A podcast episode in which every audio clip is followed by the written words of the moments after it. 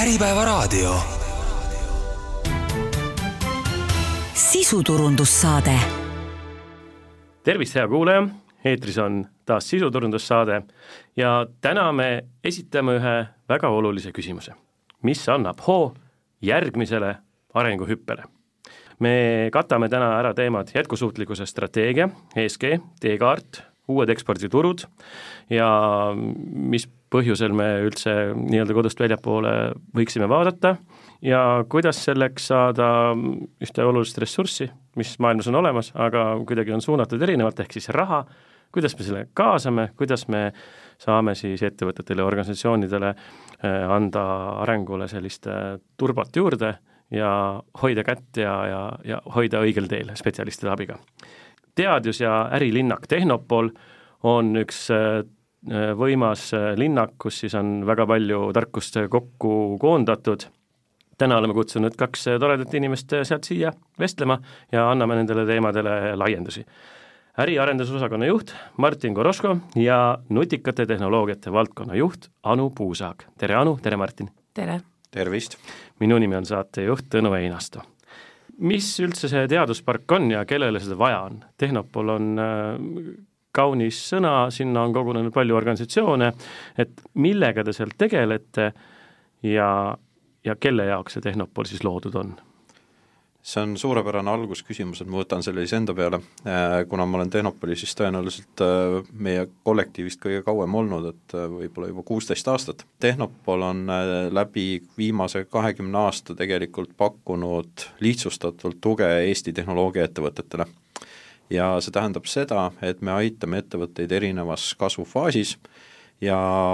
teeme seda siis, äh, pakume tugiteenuseid nii startup ettevõtetele, äh, kasvuettevõtetele, aga ka suurorganisatsioonidele ja korporatsioonidele.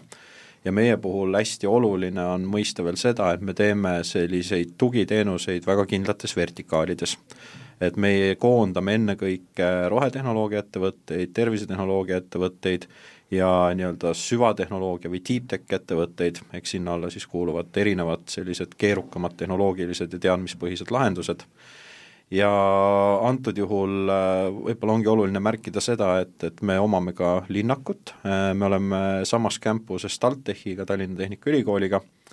ja kogu see selline piirkond võiks siiski olla selline toetav mehhanism, et Eestis see tehnoloogiaettevõtlus nagu tekiks juba sellises tudengifaasis, jõuaks äh, kommertsialiseerimiseni ja lõpuks kasvaks ka hästi suureks.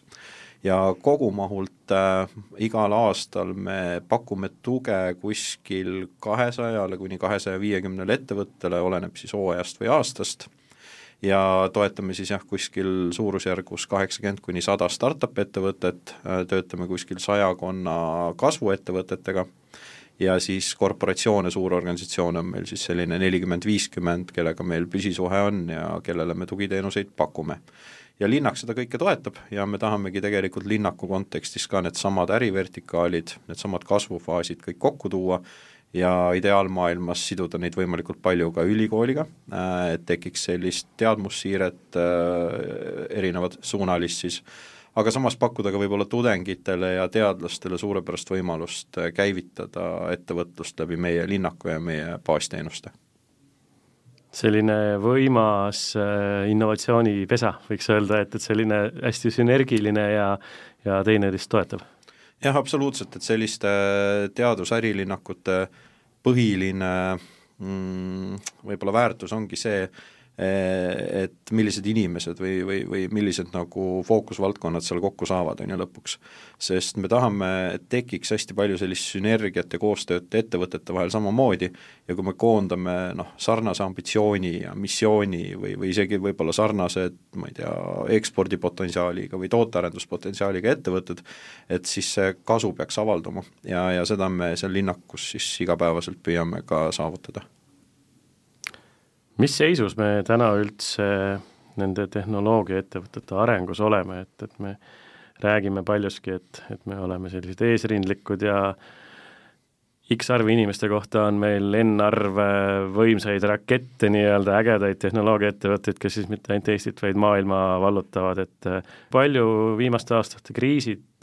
kuidagimoodi võib-olla on stoppi pannud või midagi ümber kaardistama, ümber mõtlema, et, et kas see areng ja kasv on nii-öelda mõne aasta taguse aja juures vaadates taastunud, on ta teinud värskendatud hüppe, mis seisus me täna oleme? ma arvan, et siin võib-olla tasuks korra nagu võtta see suur pilt nagu ette, et et Eesti teadupärast tahab olla konkurentsivõimeline väga spetsiifilistes valdkondades.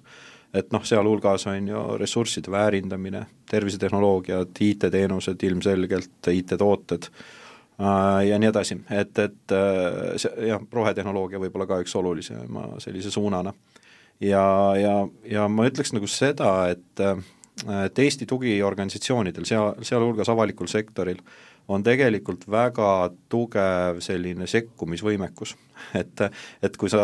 mainisid siin korra selliseid võib-olla kriise või turbulentseid aegu ja, ja kuidas nagu ettevõtted sellele kõigele vastu panevad, et siis ma väga nagu hindan seda, et kui kõik Eesti tugiorganisatsioonid mõtlevad ühtemoodi ja seda nad täna selgelt teevad ja see tähendab võib-olla ka natuke sellist noh, kompleksset vaadet, et ütleme, et kui me, kui me tahame, et meil oleks nagu näiteks väga tugev selline deep tech valdkond, on ju, kasvamas, siis me kõik saame aru, et, et see ei teki lihtsalt niisama tühja koha pealt, et me peame seda kuskilt otsast nagu arendama hakkama.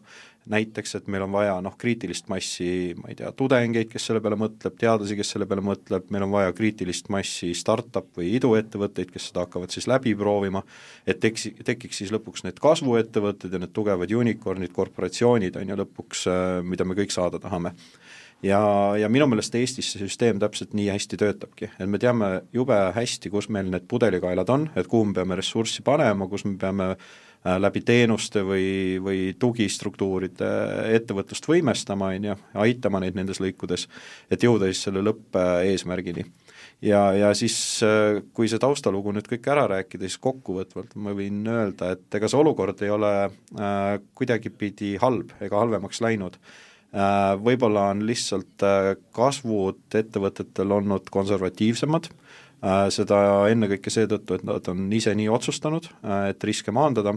aga midagi katastroofilist tegelikult juhtunud ei ole ja võib-olla võibki seda käsitleda niimoodi, et paljud ettevõtted on justkui nagu sellisel äraootaval seisukohal, ja võib-olla oluline moment on ka see, et tugistruktuuridel on täna võib-olla veelgi olulisem roll, kui ta oli kolm aastat tagasi, kus ettevõttes, ettevõtluskeskkond oli tegelikult väga heal tasemel, head asjad juhtusid, et täna võib-olla vaadataksegi rohkem selliseid tugistruktuure ja, ja kaasatakse neid ettevõtte kas siis käivitamisse või arendamisse. Kui me keskendume rohkem kestlikkusele ja rohelisele mõtteviisile, et kui oluline see peale selle ilusa mõtte väljaütlemisel tegelikult äh, on, et, et kas, kas Eesti ettevõtted on oma äh, mõttemallide muutmiseks valmis või missuguseid samme täna selleks tehakse? mulle hästi meeldib äh, üks selline märksõna, mis on viimasel ajal väga palju kõlapinda leidnud, kus räägitakse sellest, et ettevõtted peaksid olema tulevikukindlad. ja see tulevikukindlus minu hinnangul tähendabki tegelikult kahte asja, kahte hästi olulist asja üks nendest on äh, innovatsioonivõimekus ja teadlikkus, ehk et ettevõte peab olema igapäevaselt valmis oma ärimudeleid, oma tooteportfelli, oma müügiloogikaid, ekspordiloogikaid äh, ümber mõtestama ja ära muutma kardinaalselt, sest igasuguseid asju maailmas juhtub, et sa ei saa nagu väga kindlalt äh, keskenduda alati ühele segmendile, ühele turule ühele tootele, mida sa seal müüd, et sa pead olema selline üsna agiilne, et neid muutusi läbi tegema ja sinu organisatsioon peab suutma seda teha. ja see teine aspekt, mis sind tulevikukindlaks teeb, on kahtlemata kestlikkus ja, ja see rohepööre, mida, mida siin korduvalt on mainitud, et rohepööre noh, tuli nagu natuke sellise paratamatusena lõpuks, et äh,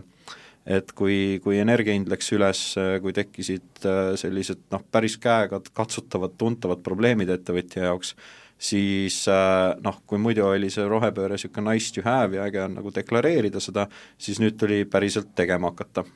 ja, ja see võib-olla noh, muutusena juhtuski äärmiselt kiiresti ja võib-olla kõik ei olnud selleks valmis, aga kahtlemata ei ole enam täna nagu ettevõtted, kes seda kuidagi teadlikult ei teeks, on ju, et, et neid on pigem väheseid, on ju, sest see mõjutab noh, absoluutselt kõike, eks ju, energia, ma ei tea, logistika, tarneahelad, sinu partnerlusi, eks ju, et kõik, kõik on nagu selle rohepöörde nagu lainega kaasas. Ja, ja noh, seetõttu ma pigem ütleks, et, et see innovatsiooniteadlikkus ja see roheteadlikkus, et need võiks juba võib-olla see aasta või järgmine aasta olla käsitletud kui selline noh, hügieen mis sul nagunii peab olema, nagu kunagi oli visiitkaart, eks ju, et kõik trükkisid visiitkaarte, et noh, ikka peab taskus olema, on ju. et siis võiks nagu mõelda niimoodi, et noh, et enam ei pea küsima, on ju, et kas teie ettevõte ka rohepöördes osaleb, vaid see pigem ongi selline asi, mida kõik ühiselt teevad, küsimus on ainult võib-olla iga ettevõtte kohta see, et milliseid selliseid KPI-sid või, või mõõdikuid või eesmärke ta tahab tegelikult täita, on ju, et kuidas see rohepöörde efekt nagu tema äris või tema ettevõttes äh, avaldub ja ma võib-olla lisaksin siia, et äh, see rohepöörde teeb huvitavaks muidugi ka see fakt, et äh, kõik lõpuni ei tea, mis see tähendab. ehk siis siin on hästi palju seda mänguruumi, see on samamoodi nagu kunagi olid visiitkaardid, aga kunagi tuli ka sõna innovatsioon meie mängulauale, et keegi ka täpselt ei teadnud, mis see ikkagi on ja mis see siis, kuhu see nagu edasi viib. ehk siis siin tõesti tõepoolest see äh, tulemusmõõdikute see tegevusraadius on tohutult lai Äh, kuidas keegi seda lahendab, on äh, selle ettevõtte enda teha ja, ja kuidas ka siit äh, omamoodi uut äri kasvatada, on selle ettevõtte enda teha, nii et selles mõttes see natuke ühtepidi nagu ühtepidi käsk rohepöörde tegeleda, tegeleda, aga teistpidi vabadus tegeleda on, teeb selle asja muidugi põnevaks. Täna me oleme siia stuudiosse tulnud kokku saama just, et, et neid sõnumeid üle korrata ja, ja võib-olla juhtnööre anda ja, ja julgustada ettevõtjaid ja ka omalt poolt siis abi pakkuda, räägime siis korraks võib-olla lahti. paljude jaoks on see tõesti läbi käinud äh, ja kuskilt tuttavaks saanud märksõnade loetelu, aga võib-olla pole paljud ettevõtted selle peale väga konkreetset tegevuskavana veel mõelnud. mida see jätkusuutlikkuse teekaart siis justkui teeb või annab, et mis selle sisu on ja ja kustkohast selline ettevõte, kes, kes täna on mõtlemas selle peale, tahaks astuda ka neid nii-öelda tulevikukindlaid samme, teha ise oma teekonnas mingisuguseid väga konkreetseid muudatusi või värskendusi, uuendusi, mida ta tegema peaks, mis see jätkusuutlikkuse teekaart meile annab? Tehnopol on üldiselt oma tugiteenuseid alati läbi aastatega natukene ümber disaininud ja tuleb tunnistada jah, et see rohepöörde nii-öelda teekaart või strateegia väljatöötamine on üks uusimaid teenuseid, mida me kasvuettevõtetele pakume. teekaart iseenesest on äärmiselt lihtne, et rohepöörde elluviimine alati lähtub mingitest eesmärkidest, mida ettevõte soovib saavutada ja deklareerida, ja investeeringute tegemisest nende eesmärkide saavutamisse, eks. et sa pead arvestama mingisuguse ressursiga, mida sa sinna sisse paned, selleks et nende väärtusteni või eesmärkideni jõuda, ja, ja see teekaart on siis sisuliselt dokument või, või strateegia või tegevusplaan, et kuidas nende eesmärkideni jõuda, kuhu ma investeeringut pean tegema, kui palju ma pean raha, aega, muud ressurssi põhimõtteliselt kulutama ja see ongi, nagu me ennem rääkisime, iga ettevõtte puhul pisut äh, individuaalne. et noh, kui me räägime näiteks, ma ei tea, tootmisettevõtetest, tööstusettevõtetest, et nende puhul noh, selgelt on rohepöörde eesmärk energiakulusid kokku hoida, tarneahelaid äh, efektiivsemaks, lühemaks teha, vähem näiteks mingi tööstusjääkidega tegelemine, võib-olla ringmajandus, materjali taaskasutamine, kõik sellised eesmärgid, ja selleks, et sellest aru saada, me üldiselt nagu lähtumegi üsna ettevõttespetsiifiliselt, et me teeme juhtkonnaga sellised äh, intervjuud alguses, me paneme need eesmärgid paika ja siis me tegelikult hakkame seda teekaarti looma, et kas on esiteks nagu võimalik selliste, ma ei tea, efektiivsusnäitajateni jõudmine ja kui on võimalik, siis palju see ettevõtja jaoks maksma läheb, äh, kuhu ta peaks tegema esmajärjekorras investeeringut, kuhu teises järjekorras, et sisuliselt valmibki selline plaan, mis võib kesta noh, näiteks viis, kuus, seitse aastat, on ju, et ettevõte suudaks enda investeeringuid planeerida, et ta suudaks nagu õigeid otsuseid järjepidevalt teha ja suudaks siis lõpuks need eesmärgid äh, ära tuua ja sealt siis vastavalt endale efektiivsuse tekitada, näiteks hinna või või, või sisendhindade efektiivsus, on ju, tootmisettevõtete puhul. ja noh, sama analoogia tehnoloogia tegelikult töötab ka teistes sektorites, et vahet ei ole, oled sa parasjagu ma ei tea, haigla, IT-ettevõte, mingi digitaaltehnoloogiaid arendav ettevõte, et kõikidel on seal rohepöördes nagu võimalusi äh,, mõned võimalused võivad olla kas või turunduslikud, mis kõnetavad võib-olla rohkem sinu kliendisegmenti, kes eeldab, on ju, et sa teed mingeid tegevusi läbipaistvalt, keskkonnasõbralikult, eks ju, ja nendele noh, eesmärkidele me alati püüamegi personaalselt pihta saada ja siis selle teekaardi selle ümber äh, paika panna. ja see ongi võib-olla üks selline kõige populaarsemaid, on ju, teenuseid täna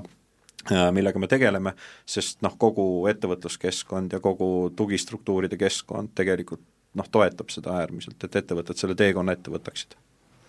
Ma võib-olla ka lisaksin väikse märkuse siia, et mille üle me veel eriti uhked oleme selle teenuse puhul, on see, et et me kaasame selle teekaardi loomisse oma mentoreid oma võrgustikust, ehk siis mis annab selle nagu kogu selle rohepöörde loogikale ka natuke laiemat pilti, ehk siis kui me külastame ühte ettevõtet, aitame tal seda teekaarti luua, siis me valime vastavalt sellele ettevõtte taustale või nagu sellele üldistele eeldustele siis sellise tuumiktiimi, tavaliselt kuni viis inimest, eh, kes siis selle ettevõttega tegelevad, ehk siis see vaateväli ei ole mitte ainult ühe konsultandi põhine, vaid on ühe grupi põhine, mis annab palju rohkem mõtteid juurde. innovatsiooni kontekstis me peame olema valmis muutusi tegema, et ise muutuda ja et, et eh, tulevikku vaadates eh, seda situatsiooni kaardistada, mitte nii-öelda vanas kinni olema, siis, siis see jätkusuutlikkuse teekaart samamoodi lausa heas mõttes nõuab muudatusi, et olla nagu värske ja olla nagu ettevaatav? jah, absoluutselt, et et tulles tagasi selle kahe elemendi juurde, mis tulevikukindlal ettevõttel on, et siis noh, meie, meie seisukoht selgelt on see, et ettevõttel peab olema nii innovatsioonistrateegia, kui peab olema ka rohepöördestrateegia, et ta peab nagu mõlemas liinis teadma, et kuidas ta neid tegevusi teeb ja see peaks olema üks selline osa ettevõtte kultuurist, on ju, et, et nii me neid asju ajame. Ilus öelda, vaja seda on, aga kas me saame tänasele kuulajale mõnda head sellist edukat rakendamise näidet tuua, kus, kus mõne suure keskkonnamõjuga ettevõte on päriselt oma tegevused üle vaadanud ja ja muudatusi teinud ja ja on sellise uut hingamist saanud ja, ja on nüüd teadlik ja tänulik selle teadmise eest ja selle, selle tuumikgrupiga tehtud töö eest, et päriselulised äh, näited, äh, keda ette tuua uhke ja hea tundega, need kirjeldavad kindlasti seda pilti palju värvikamalt mm. -hmm Äh, meil on, me oleme täna tegelikult esimese kohordi või batch'i ettevõtetega seda läbi tegemas. Ja meil ei ole veel isegi lõppraportid ja strateegiad valminud, et see aeg on tegelikult üsna pikk, äh, mil see plaan kokku pannakse, et me räägime siin kuskil sellisest äh, neljast-viiest kuust, mil tegelikult need konsultandid või eksperdid selle ettevõttega töötavad aga meil on ennekõike kõige suurem huvi ja kellega me praegu nagu töötame, on, on tulnud ikkagi tootmis- ja tööstusettevõtete juurest. ja antud juhul on meil siin üks väga vinge äh, kännupuur äh,, ettevõtte nimi on meil täpsemalt Tipperfox, just, et äh, Tipperfoxiga me seda protsessi läbi viime ja noh, nemad olid äh, kõige sellisem agiilsem esimene reageerija, on ju, kes kohe meie poole pöördus ja ütles, et vot, et see on nagu äge värk, et me tahaksime selle nagu läbi teha ja me päriselt tahamegi nagu strateegiliselt seda muutust äh, ellu viia. aga näiteks ka äh, endine Krimelte Wolf Grupp äh,, kes nagu väga äh, süstemaatiliselt otsib neid võimalusi, kuidas näiteks enda pakendeid keskkonnasõbralikumaks teha, kuidas tarneahelaid lühemaks teha, Äh, kuidas näiteks oma keemilisi vahtusid siis, eks ju, ehitusvahtusid, mida nad toodavad, et kuidas äh, nende võib-olla konsistentsi muuta niimoodi, et, et see oleks äh, keskkonnasõbralikum. et need kaasused ongi noh, täna nagu ma neid kirjeldasin, nad ongi väga-väga keerukad, et see protsess võtab nagu pisut aega, aga ma arvan, et me saame nagu esimesed strateegiad kätte juba jaanipäevaks või enne jaanipäeva ja siis me tegelikult saame rääkida ka võib-olla nendest case idest, et mis see võib-olla kõige ägedam nagu leid oli või, või kõige sellisem nagu ägedam pöördemoment nendes ettevõtetes oli. ja see on põnev, põnev ootamine järelikult, et, et nii-öelda esimese ploki edukate ettevõtete näidetel kindlasti annab see julgust ka uutele tulijatele, kes siis sellesse protsessi saavad sisse tulla ja kes siis võtavad vastu isiklikult organisatsiooni sees selle otsuse, et jah, ma soovin muutuda, jah, ma annan en,, annan võimaluse teistele ennast suunata, et kindlasti see, see tunnistamine, et midagi peab muutma ja ma olen valmis ise muutuma, et sellest vist algab väga palju jaa, absoluutselt ja noh, ma arvan, et sa ütlesid väga õigesti, et tegelikult need eeskujud on ka meeletult tähtsad. et kui ikkagi need juhtumid lahti rullida ja teised ettevõtted näevad, et okei okay,, et et võib-olla see ei olegi nii keeruline ja noh, ma suudan need ise ka ju ellu viia, et siis, siis head asjad juhtuvad, et, et küll leidub nagu väga palju nagu järgijaid nendes sektorites. üks märksõna, mida me täna vaatame samuti, on need äh, eksporditurud, ehk et äh, Eesti turg on tore, hea selline pilootprojektideks tihtipeale su-, suurema lennuga ettevõtetele testimaks ära äh, väikese nii-öelda testgrupiga oma teenused, tooted, aga kas tehnoloogiaettevõtted julgevad eksportturgudele siseneda, et mis võib-olla neid takistab või kuidasmoodi teie neile saate julgust ja tuge pakkuda? Loomulikult, eksport on äärmiselt oluline osa, ma arvan, kogu Eesti ettevõtluse tehnoloogiamaastiku äh, toimimiseks üldsegi, et äh, vana kulunud sõna, et äh, kohe esimesest päevast think globally on, ma arvan, niisugune läbiv märksõna jätkuvalt, ega me siin koduturul ainult pakume ka Tehnopoli muideks linnakus testimisvõimalust, aga see selline testperiood siia ka jääb. et eksport on väga oluline ja meie ähm, ka mõõdame oma e-, enda edukust ettevõtete ekspordina see on meie enda üks väga oluline mõõt nagu KPI ja loomulikult äh, jätkuvalt äh, ka tehnoloogiaettevõtetel ja ka tegelikult ka nõndanimetatud tootmisettevõtetel üldjuhul ikkagi esimene lähiturg on ikkagi Skandinaavia, äh, Põhja-Euroopa, kaasa arvatud siis Saksamaa piirkond ja, ja sellised põhiturud sealt, aga järgmise sammuna võib-olla nüüd peale seda, kui Brexit ja, ja Inglismaa turg võib-olla veidi keerulisemaks muutus, siis pigem juba kogu äh, Ameerika manner ja, ja miks mitte ka Aasia, et need on jätkuvalt kuumad teemad, ega siin meie maa peal kuskile kaugemale minna ei olegi, vähemalt mitte praegu. kuigi meil on ka väga palju kosmosetehnoloogia ettevõtteid, kes tegelikult äh, otsivad turgu ka hoopis kaugemal. saame rääkida natukene juba maakaarti vaadates selliseid tuttavaid kuumasid piirkondasid, kuhu siis teil on võib-olla mugav ka julgustada, suunata ühte või teist ettevõtet, olenevalt siis nende spetsiifikast, et neil on, teil on töö tehtud, te juba teate, mis neid ees ootab ja oskate nii-öelda selliseid kontaktlinke jagada, aga aga kas on ka selliseid nii-öelda ekstreemnäiteid või üllatusi, et, et midagi noh, vastavalt valdkonnale igale poole ei lähe, aga aga kuskil see väga spetsiifiline tänulik klient on olemas, kellele ühte või teist toodet või teenust täna siin Eestis luuakse. et kas mõni selline näide? jaa, meil on tegelikult ähm, võib-olla nagu kahte otsa, kohta otsapidi seda teemat, et ähm, üldjuhul kogu maailmas on täna väga kriitiline teema nagu energiateema, ma arvan, et äh, pole riiki, kus võib-olla välja arvatud Islandil, eks ju, aga või, või Norras, aga üldjuhul see on selline valdkond, kus väga palju otsitakse uusi lahendusi, nii et äh, see on kuum teema igal pool kuid ähm, Tehnopoli poolt me väga palju ka pakume sellist erivõimalusi avada uusi turge, et äh, näiteks praegu meil on äh, üks projekt, mis avab äh, Usbekistani, Brasiilia ja ja USA-s, Kanadas ka Suure järvistu piirkonna, mis küll Ameerika ja Kanada on küll pop-, populaarsemad turud, aga Brasiilia ja Usbekistan kindlasti mitte nii populaarsed turud. samas jällegi, kui kord juba näiteks Ladina-Ameerika kontinendile juba siseneda, siis sealt järgmist sammu teha kogu suurele kontinendile Äh, Ladina-Ameerika maades on võib-olla juba lihtsam. Nii et äh, ja see, selline teenuste pakkumine Tehnopoli paketis jääb kindlasti alati meie üheks ähm, põhiteenuseks. ja siinjuures ma võib-olla ka märgin ära, et ähm, äh, et me töötame sellisel juhul täpselt samamoodi, nagu me ka selles rohepaketis rääkisime, et ikkagi oma alati oma mentorite abiga, et me ei tee seda teemat, me ei tee neid kontakte või kontaktiotsinguid ja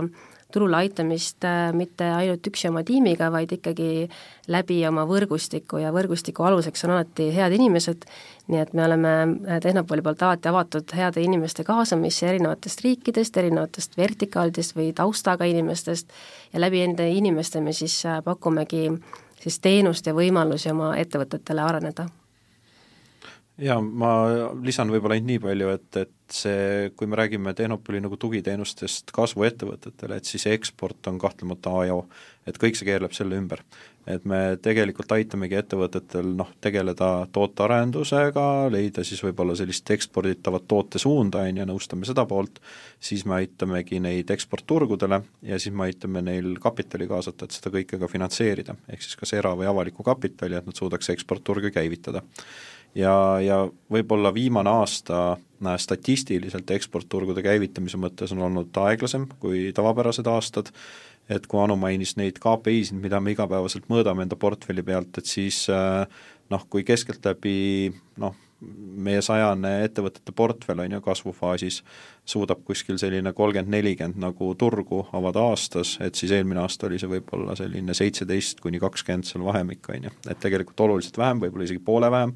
ja kui me oleme rääkinud ettevõtjatega, et siis eh, noh, hoiak ongi konservatiivsem, et tegelikult kaitstakse olemasolevaid turge, eh, tehakse kõik investeeringud nendega seonduvalt, uue turu käivitamine teadupärast on äärmiselt kulukas, äh, investorite hoiak on pigem konservatiivne ja noh, see loogika võib-olla ei jookse kokku ja, ja seetõttu nagu mängitaksegi seda mängu võib-olla rohkem nendel turgudel, kus juba ollakse kohal ja tehakse seal jätkutegevusi. ja siin siis veel kord ongi võib-olla oluline see, mida Anu ka mainis, et äh, Tehnopol äh, on võimeline käivitama siis selliseid rahvusvahelisi projekte, et kus me saame tegelikult need eksportturgude otsimised teha ettevõtte jaoks riskivabamaks ja odavamaks. et me kasutame selleks näiteks Euroopa Liidu vahendeid äh,, läbi erinevate projektirahastuste teeme seda ja seal ongi see võimalus, et me teeme tegelikult ettevõtte eest sellise elementaarse turu-uuringu ära, me otsime neile sinna koha peale õiged kontaktid, kellega ta peaks suhtlema, me viime need ettevõtted vajadusel ärimissioonina sinna turu peale kohale, et nad saaksid need kohtumised ära teha. Ja see kõik tuleb ettevõtjani noh, peaaegu et tasuta, eks ju ja noh, see võib-olla ongi nagu see element, et kus ma näen, et need tugistruktuurid ettevõtluses täna ongi nagu supertähtsad, sest see võib-olla tõmbab jälle sellisest nagu riski kartlikust äh, olukorrast seda ettevõtjat pisut välja. et kui tal on tegelikult finantsriskid nagu maandatud, on ju, turgude uurimisel, turgude nagu katsetamisel, et siis ta teeb seda meelsamini. ja, ja see on äh, noh, kahtlemata üks element, mille me oleme nagu ära tundnud ja kus me süstemaatiliselt siis otsime neid rahastusvõimalusi, et kuidas siis ettevõtja jaoks seda kõike nagu soodsamaks ja riskivabamaks äh, teha lõpuks. kui ennist rääkisime neid võimalusi vallutada isegi kosmost üle kogu globaalse maakera rääkides, siis äh, alati on küsimus, et, äh, et kuidasmoodi kuidasmoodi siis ikkagi, alustades siis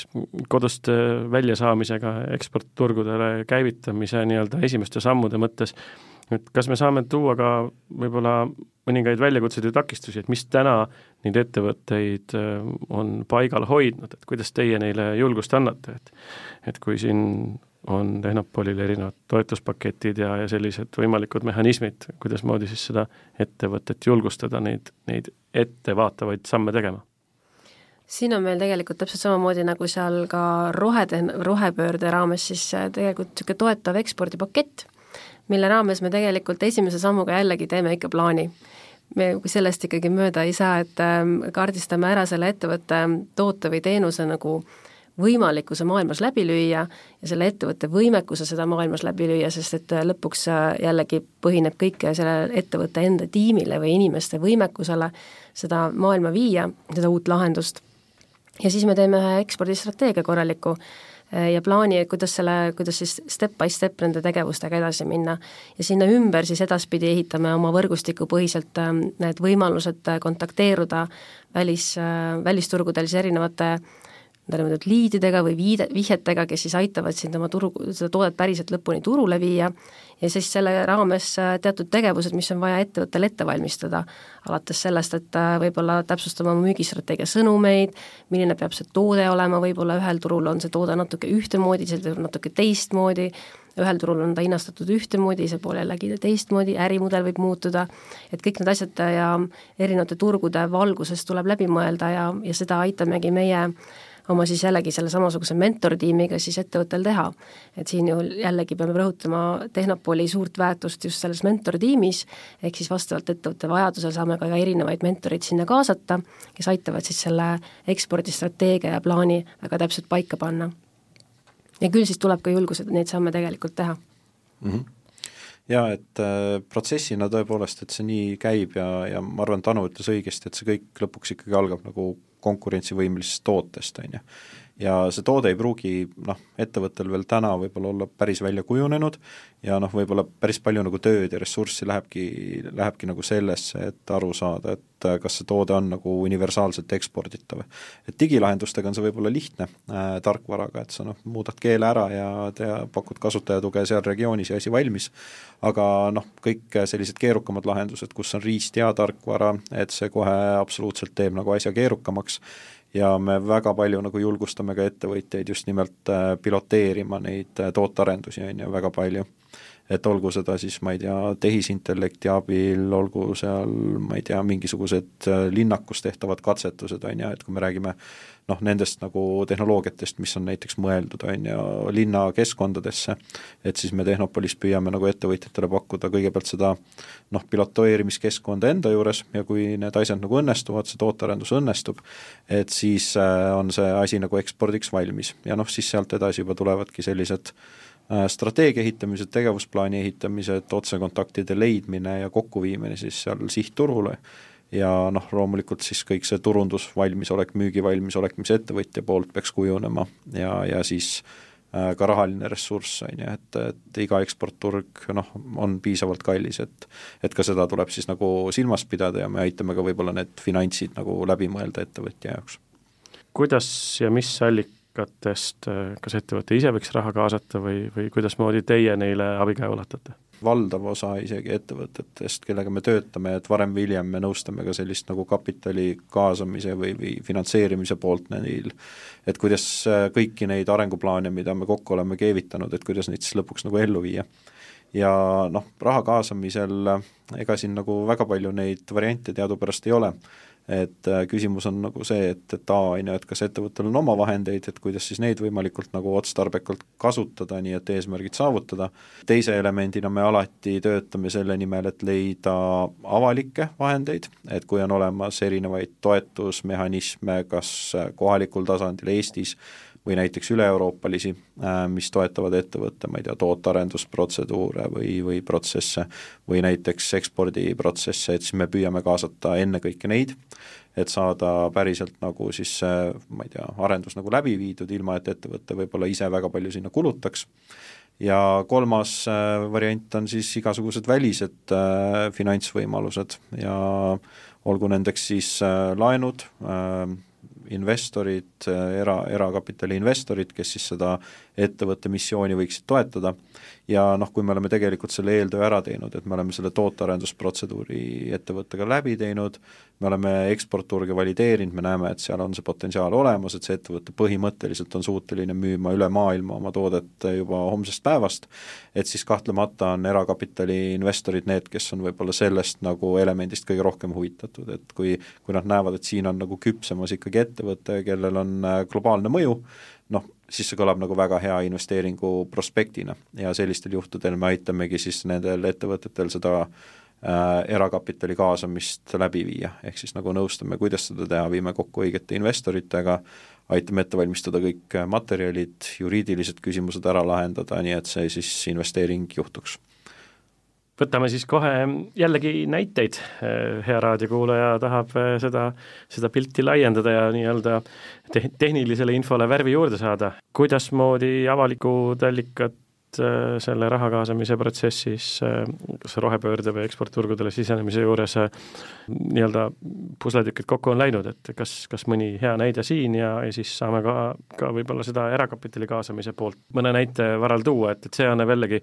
ettevõtetele ja nende juhtidele julgust juurde, et ei ole mitte ainult hea mõte paberil, vaid noh, päriselt ellu viidud projektid, mis on edukuse märgiks ja selliseks nii-öelda lakmuspaberiks, et nemad on teinud, neil on hästi läinud, me nüüd siis julgeme ka neid erakapitali kaasamise näiteid on äh, tegelikult hästi palju, sest äh, noh, kuna me töötame ka startup ettevõtetega, siis noh, startup'ide ainus võimalus äh, mm, suuri asju teha ongi tegelikult läbi erakapitali investeeringute. aga võib-olla üks sellisem viimasem nagu põnevam juhtum, mis on tegelikult kasutanud nagu kõiki võimalusi põhimõtteliselt, millest me siin rääkinud oleme, on üks meie tervisetehnoloogia ettevõte Nanordica Medical, nemad siis arendavad äh, uudseid plaastreid, haavaplaastreid põhimõtteliselt, mis siis hõbeda asemel kasutavad nende välja töötatud nanomaterjali, mis siis põletikku haavast kiiremini välja viib ja, ja haav siis paraneb kiiremini. Et väga keerukas tehnoloogia, väga selline RD või, või teadus- ja arenduskeskne, noh, siin on läinud aastaid, on ju, et see välja töötada, ja noh, nende puhul ongi see element, et me tegelikult olemegi aidanud neil leida nii kohalikke grantrahastusi, et tootearendust ellu viia, äh, me oleme aidanud neil kaasata Euroopa ülest äh, siis innovatsiooniarendus, sellist toetust, äh, mis on pisut üle kahe miljoni euro põhimõtteliselt, mis jällegi on nagu suunatud tootearendusse ja kus ettevõte ei pea oma osalust lahjendama ega mingit osalust nagu selle vastu ära andma. Ja me oleme aidanud sellel ettevõttel siis selle vastu kaasata ka erakapitali, kuskil siis selline poole miljoni ulatuses, on ju, et seda, seda ärilist nagu potentsiaali äh, edendada. Ja see on võib-olla selline noh, hästi klassikaline näide, et, et lõpuks äh, nende ambitsioonide finantseerimine, et see saab olema selline äge miks, on ju. Äh, ja sümbioos erinevate rahastusvõimaluste puhul, on ju. et kui sa oled nagu varajasemas faasis, et sa, ma ei tea, kasutadki kõiki selliseid ägedaid tootearendusprogramme, nagu ma ei tea, Prototron või ai arendusmaraton, on ju, või või kas või Ajujaht, on ju, et sa lähedki, on ju, kuskilt võtad sellise nagu stardikapitali, sa teed mingid tegevused ära, sa näed, et sa oled järgmises etapis, sa oled juba võimeline üle-euroopalist mingit raha kaasama, on ju. siis sa teed selle ära ja siis sa lähed lõpuks nagu investorite juurde, kui see väärtus on juba ettevõttes loodud ja ütled, et vot, et nüüd on meil nagu nagu päris konkreetne plaan, et me tahame minna näiteks, ma ei tea, nendele kahele turgudele, me tahame sinna käivitada enda mingisugused esindused, on ju, ja selleks on meil vaja noh, a la mingi paar miljonit eurot, et äh, kas seda on võimalik nagu kokku panna ja siis noh, sellel hetkel juba on. et, äh, et pigem jah, tasuks nagu mõelda sellisele nagu mm, järk-järgulisele kasvamisele, et kindlasti tuleb nagu aru saada, et mis faasis sa oled, et noh, kui sul on idee, et siis sulle ikka nagu viis miljonit nagu erakapitali ei anta, on ju, et seda tuleb tunnistada ja, ja kui sa oled selles õiges faasis, et siis alati see raha nagu leidub ja noh, meie eesmärk on siis ettevõtjal võib-olla aidata seda tarka valikut teha et noh, millises etapis ta millist laadi kapitali peaks kasutama. Ja, ja kui see noh, aeg on õige, ma ei tea, laenu jaoks, äh, siis me püüame nagu seda saavutada, kui aeg on õige välis, ma ei tea, erakapitali investeeringute jaoks, siis püüame seda saavutada ja kui meil on mingid grantvõimalused, et kõike seda nagu ettevõtja jaoks odavamaks teha, siis eelistame kindlasti seda võimalust. Kas mingi raha on ka raha, mida mõnes etapis või üldse ei peaks esmajoones kasutama, et kas siin on ka sellised noh, nii-öelda turvanõuded või, või selline väga suure laia nägemise pildi kogemus teil olemas, et noh mm., iga raha võib-olla ei aita kaasa? jah, ma arvan, et noh, üks element, mida avaliku raha puhul tuleb silmas pidada, on administratiivkoormus et äh, avalik raha on ikkagi maksumaksja raha ja see peaks siis edendama, on ju, kogu sellist majandustervikut, on ju, meil lõppkokkuvõttes looma neid üle-euroopalisi konkurentsivõimelisi tooteid ja teenuseid, ja sellega paratamatult kaasneb äh, administratiivne kohustus raporteerida kõike, mida sa teed ja kuidas sa teed ja millised tulemused on ja kui sul ei ole ikkagi seda nagu valmidust, on ju, varajases faasis, et sa ei saa päriselt inimestele allokeerida mingit tohutut bürokraatiat, et siis võib-olla ei ole see nagu õigem, kõige õigem viis, on ju, millist kapitali kaasata. ja noh, erakapitali puhul ainus asi, mida me võib-olla näinud oleme kõige rohkem, ongi see, et et võib-olla seda erakapitali nagu võetakse mingis etapis nagu liiga vara, võib-olla isegi liiga palju sisse äh,, kus ettevõtte väärtus tegelikult ei ole piisavalt kõrge, et nii palju noh, osalust antakse võib-olla liiga palju ära. Ja noh, seal tekivad lihtsalt sul lõpuks nagu järgnevate investoritega need konfliktolukorrad, on ju, et kui keegi on varajases faasis juba investeerinud ettevõttest, nelikümmend protsenti on põhimõtteliselt investoritele antud, noh, väga naljalt nagu ei leia neid jätkuinvesteeringuid, on ju, kes tahavad sellisesse koosseisu või koostöösse tulla. Ja noh, seal võivad tekkida nagu probleemid aga noh, need on kõik need nagu elemendid, on ju, mida me püüame ettevõtte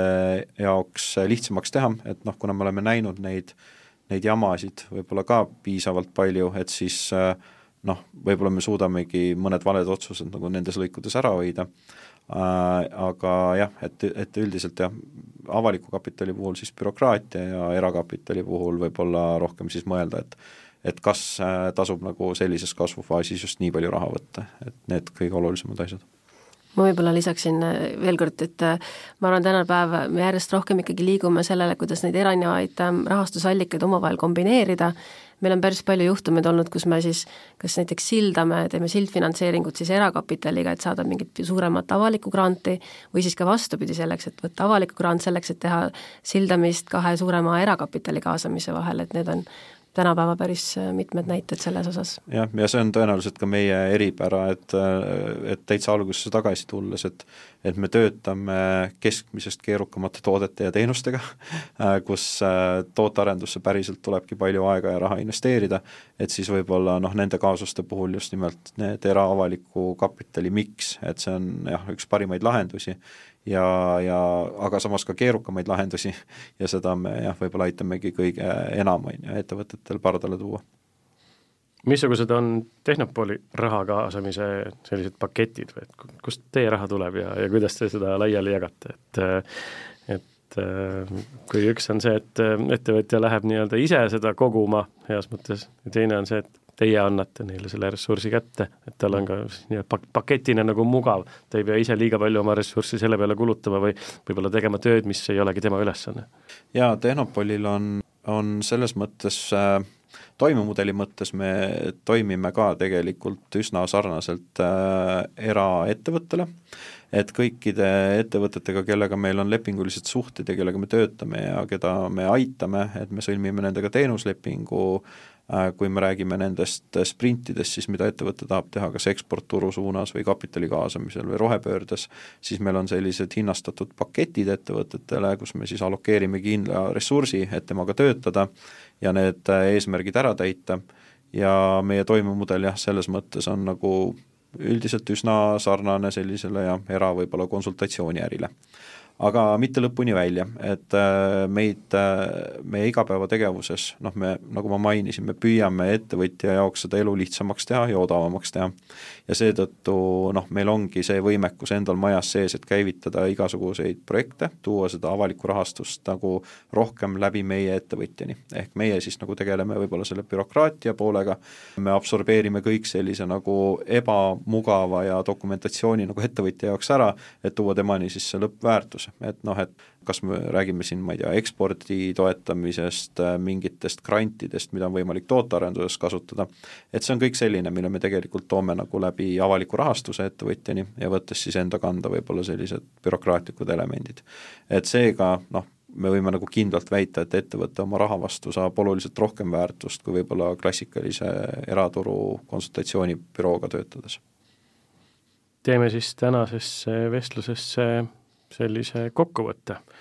mis ajas me siis täna elame ja kuhu me siis vaatame või kuhu teie suunate neid ettevõtteid, kas täna on siis õige aeg planeerida sellist arenguhüpet ja, ja kuhu, kuhu suunda, kas me saame siis kõik nagu ühte tunnelisse visata ja let's go,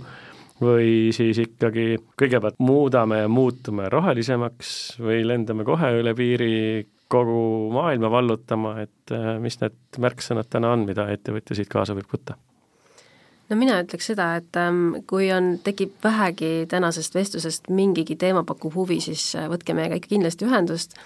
et äh, meil on küll väike tiim, aga me oleme väga agiilsed, et äh, ja me suhtume igasse kliendisse ikkagi kui üks-ühele, ehk siis me täpselt selle kliendi vajadusi täpselt proovimegi vastata, nagu tema arenguhüppe hetkel on, et meil ei ole, me ei tööta päris nii, nagu suured ähm, siis toetusele suunatud näiteks EAS, kes siis on pigem selline äh, grandipõhine väljajagaja nendele, kes sobib, vaid meil on täpselt vastupidi, et ähm, sobivad kõik kliendid ja ka täpselt siis tootevad tulevad vastavalt sellele või teenused tulevad vastavalt sellele, nagu see ettevõte vajab. nii et äh, kutsun lihtsalt üles võtma meiega ühendust võtma ja vaatame koos, mis me teha saame. jaa, see on kindlasti kõige tähtsam, aga märksõnadest ma võib-olla ütlen veel ka seda, et et noh, kindlasti mm, on kõik ettevõtjad aru saanud, et samamoodi enam edasi ei saa minna et, et olgu need igasugused viimased arengud, mis meil siin viim-, noh, ma ei tea, viimased viis aastat juba kestnud on, noh, samamoodi ei saa ja ma võib-olla julgustaks ja rohkem nagu mõtlema rohkem selliste muudatuste peale ja võib-olla juhtima neid paremini, et, et tehke päriselt neid muutusi ärimudelis, tooteportfellis, kindlasti ei saa nagu mööda vaadata tehnoloogia trendidest, on ju, et noh, kui me räägime digitaliseerimisest või ai tehnoloogiate pealetulekust, et noh, kahtlemata iga ettevõte peab nagu sellega sama nagu jalga käima ja noh, rohepööre ja, ja kestlikkus, on ju. et jällegi selline asi, millest enam keegi väga mööda ei saa vaadata ja kui neid noh, suundasid nagu teadlikult äh, arendada ja enda, ma ei tea, ettevõtte kultuuri osaks viia, et siis ma arvan, ongi kõik väga hästi. Väga ilusti öeldud, nii et teadus- ja ärilinnak Tehnopool võtab häid äh, ettevõtteid enda tiiva alla ja, ja, ja sellisesse mentorprogrammidesse koos olla muutuste suhtes paindlikud ja teha väga, väga selliseid teadlikke, võib-olla mõnikord isegi tundub, et kangeid ja rangeid otsuseid, aga, aga need on läbi analüüsitud ja läbi planeeritud, et need on tulevikukindluse mõttes vajalikud. Jah, absoluutselt. Ja Tehnopoli näol ma arvan, ongi suurepärane võimalus seda riski natuke maandada, äh, tehes seda siis koos nende inimestega, kes on seda korduvalt teiste ettevõtetega juba läbi teinud. Suurepärane, võtame siis äh, selle hea mõtte kokku, et äh, ettevõtjal julgus ise enda sisse vaadata, olla valmis, et keegi teine tuleb ütlema, et aeg on muutusteks ja, ja tulla sellega kaasa, olla siis äh, juhendatav, et äh, läbi nende juba eelnevalt äh, kogetud kogemuste saada siis endale ka võib-olla äh, tulevikuks natukene kindlam siht ja suund ja, ja muutustele olla avatud. Tehnopoli äriarendusosakonna juht Martin Koroško, nutikate tehnoloogiate valdkonna juht Anu Puusaag, aitäh teile stuudiosse tulemast! aitäh! aitäh! selline oli tänane saade, muudame siis tulevikku, alustame iseendast ja lendame kõrgelt. oleme õige pea jälle põnevate vestlustega tagasi, mina olen saatejuht Tõnu Einasto, kena päeva!